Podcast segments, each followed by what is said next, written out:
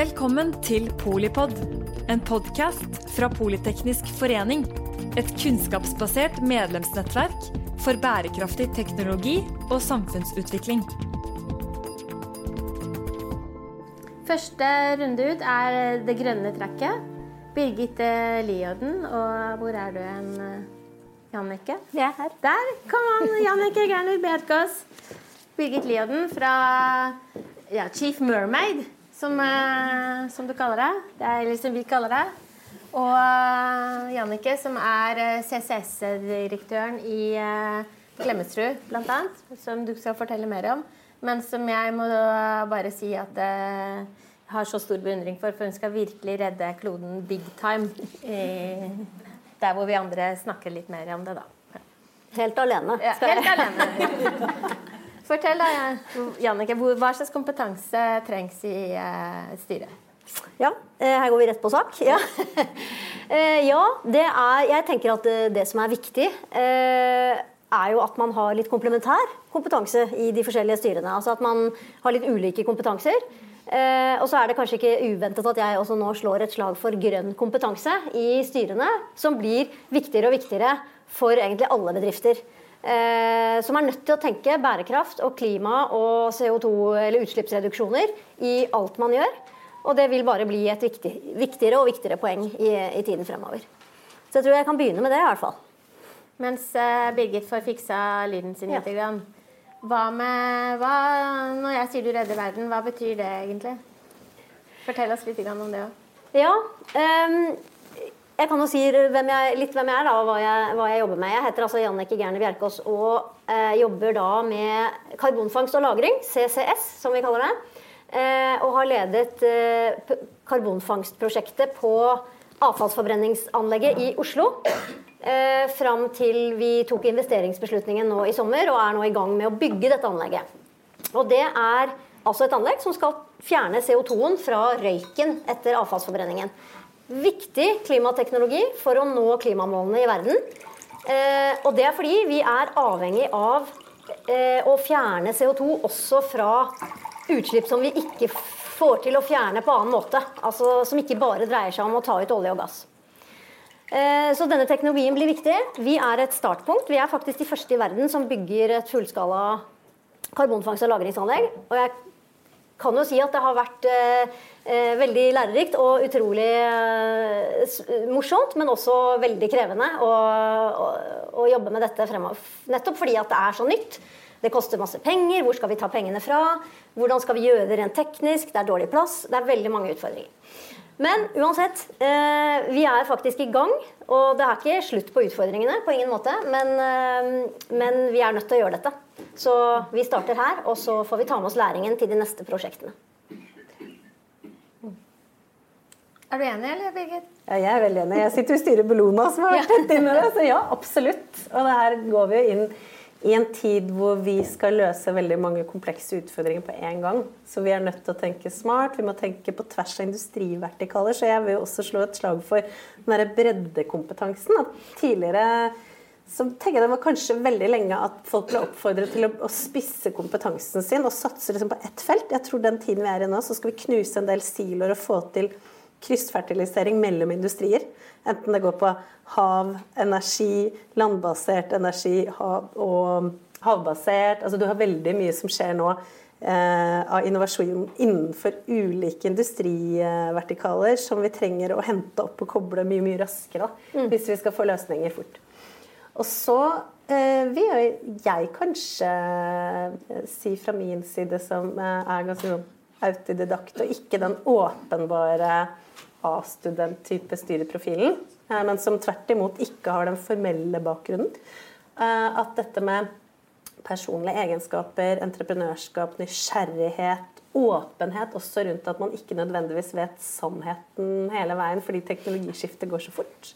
Den tror jeg er ganske viktig. Det der å ha en sånn ydmykhet og åpenhet til å også kunne endre mening og ta inn ny læring underveis. Det tror jeg er viktig.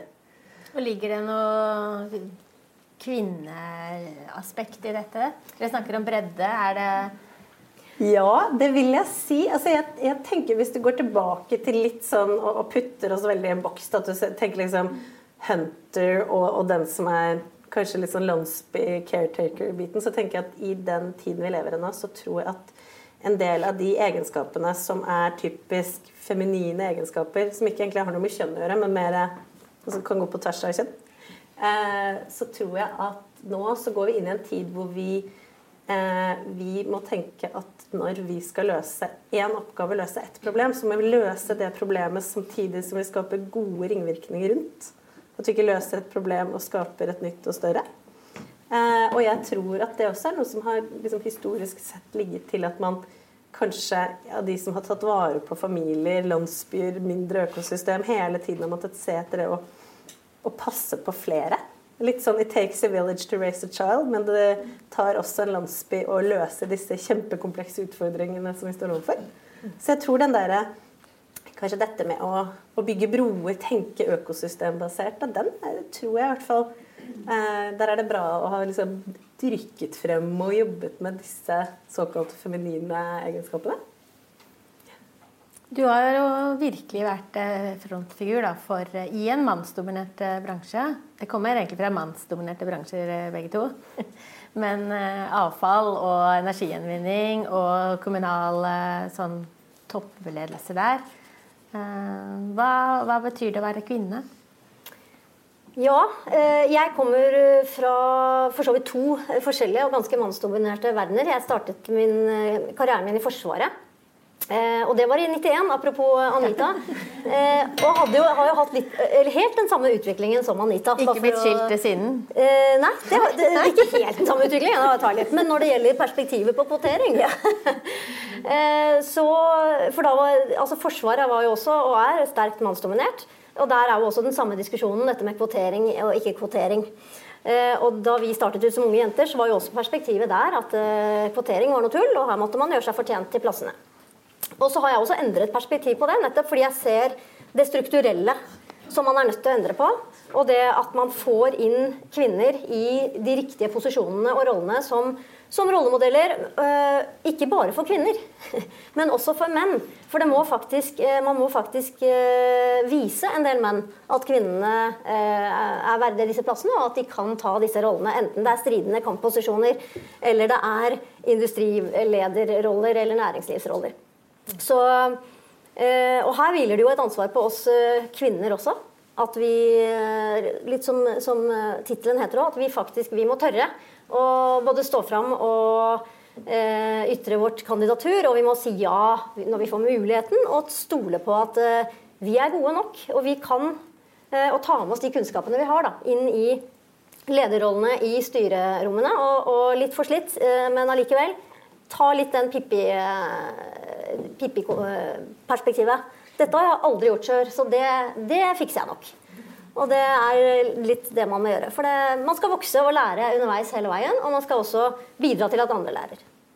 Jeg, jeg leste skjørt eh, da Anita snakket om skjørt.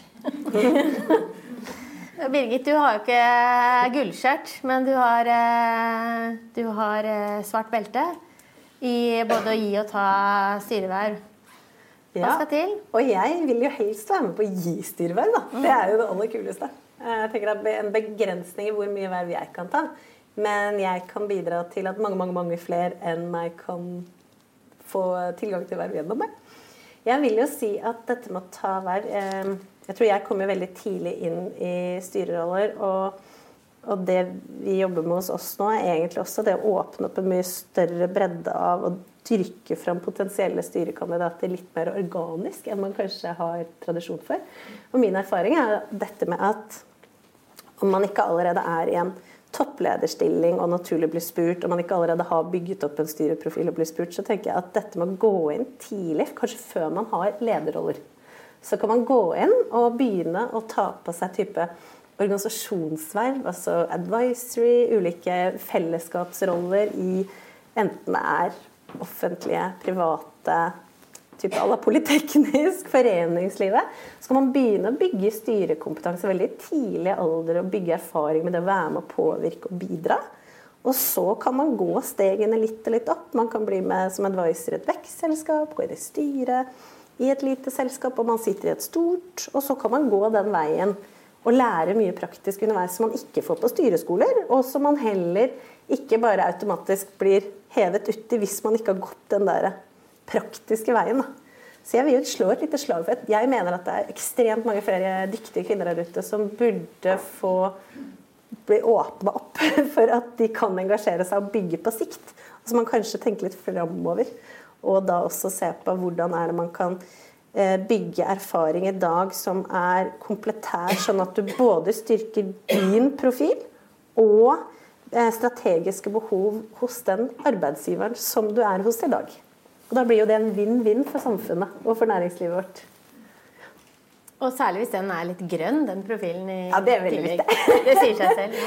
Og det, og det tenker jeg, ikke sant, at Nå er det jo et utrolig spennende tidsalder vi er inne i nå, som jeg også tror i større grad vil appellere og inspirere mange flere til å gå inn og ta roller og ansvar, fordi at vi skal løse så store utfordringer, og det ligger så stor oppside i det å bygge en bedre framtid. Vi har jo lyst til å være med å forme den framtiden. Vi vil ikke overlate det bare til noen andre.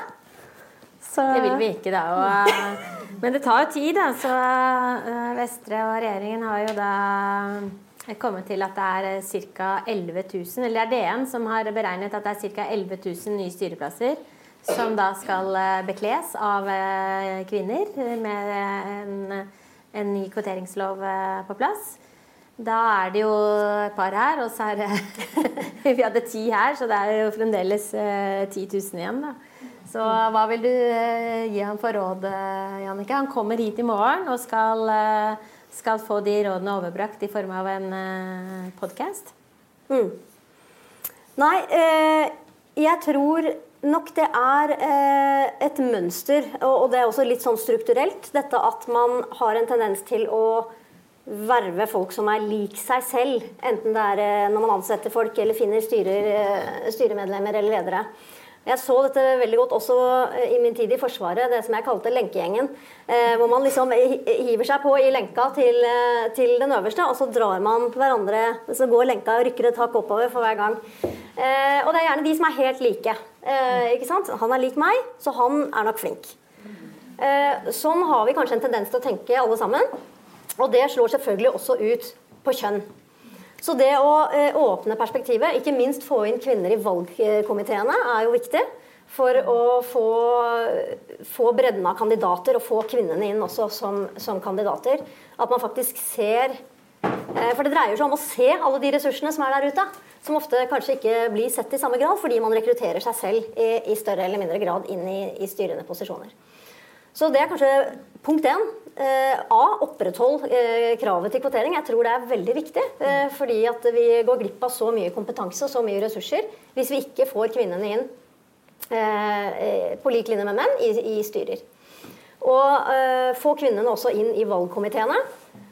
Og så er det jo viktig at vi kvinner, som Anita også var inne på, vi må verve hverandre, og vi må se hverandre, og vi må dra hverandre opp og frem og inn i disse posisjonene.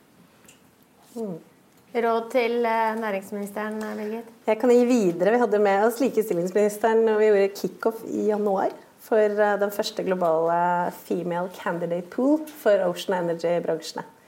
Og den skal jo nå lanseres stort med brask og brang med både Erna Solberg og Børge Brønde på Ski Conference i Oslo Spektrum i april. Og da kommer vi egentlig med et globalt stjernelag av kvinnelige leder- og styrekandidater, og da de damene som er på vei oppunder eh, fra liksom grasrota. Eh, og da tenker jeg at da skal vi søren pinadø levere rett og slett eh, et arsenal av kvinner, sånn at ingen bedrifter skal kunne si at ja, vi ville ha en kvinne, men vi fant den ikke. Så det er konkret. Og da er vi tilbake igjen til hvor man leter hen, ikke Yes. sant? og hva slags kandidater man leter etter. Man leter selvfølgelig i Politeknisk forening. Det er jo, sier seg selv. Tusen takk, eh, Birgit Lieden og Jannicke Gerner Bjerkas. Takk for at du lyttet til Polipod fra Politeknisk forening. Få med deg flere episoder, eller bli med på nettverksmøtene som du finner på at polyteknisk.